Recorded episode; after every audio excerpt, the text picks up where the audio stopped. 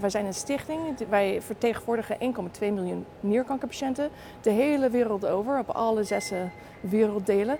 En ehm, wij hadden gewoon het gevoel dat het niet mogelijk was dat wij uh, alle patiëntenbehoeften zeg maar, konden adresseren en aankomen zonder te weten wat de behoeften eigenlijk waren. Dus wij hebben gewoon een, een concept die evidence-based advocacy betekent. En dat betekent dat wij alleen maar dingen doen die op, puur op evidence, op data gebaseerd zijn.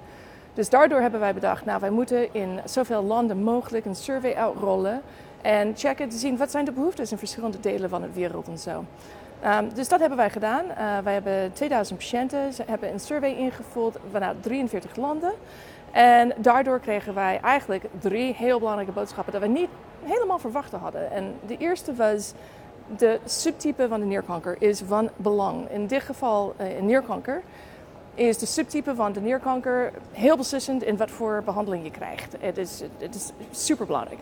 En de patiënten, maar 43% van de patiënten hadden enig idee wat hun subtype was. Dus dat betekent dat wij veel tekort komen aan de patiënten met de kennis over hun uh, subtype. Dus dat is één aandachtsgebied dat wij daar echt heel duidelijk uit getrokken hebben. De tweede was dat um, uh, ging over klinische trials. Wij waren benieuwd of ze dan klinische trials ooit gevraagd werden om, om mee te doen of niet.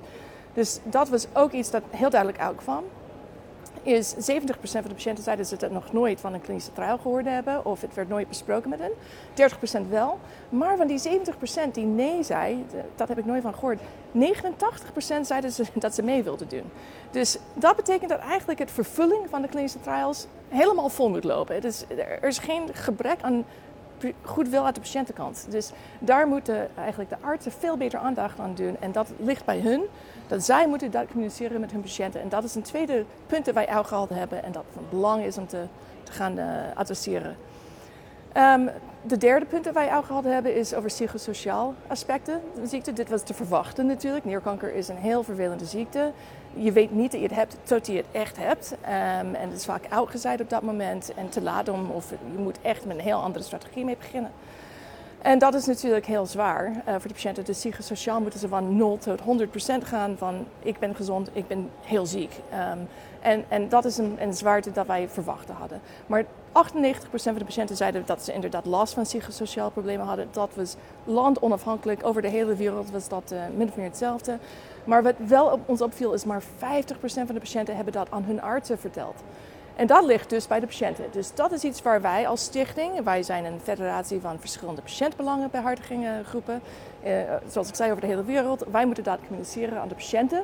Gewoon, goh, jongens, je moet het bespreken, want anders kan, kunnen niemand je helpen. Dus dat is een derde punt dat wij ook gehad hebben. Dit is een survey dat wij eens in de twee jaar gaan doen vanaf nu. En wat belangrijk voor ons is die longitale data op te halen. Dat wij elke twee jaar gewoon, dit is een benchmark, nu weten we hoe het staat nu. Maar over twee jaar, we gaan het volgende jaar weer uitrollen. En dan hopen wij gewoon meer data te zien om te kijken wat de bewegingen zijn, wat de tekort blijven en waar we eigenlijk goed doen. En die punten, de drie punten die wij al gehad hebben, ja, waar wij uh, winst geboekt hebben.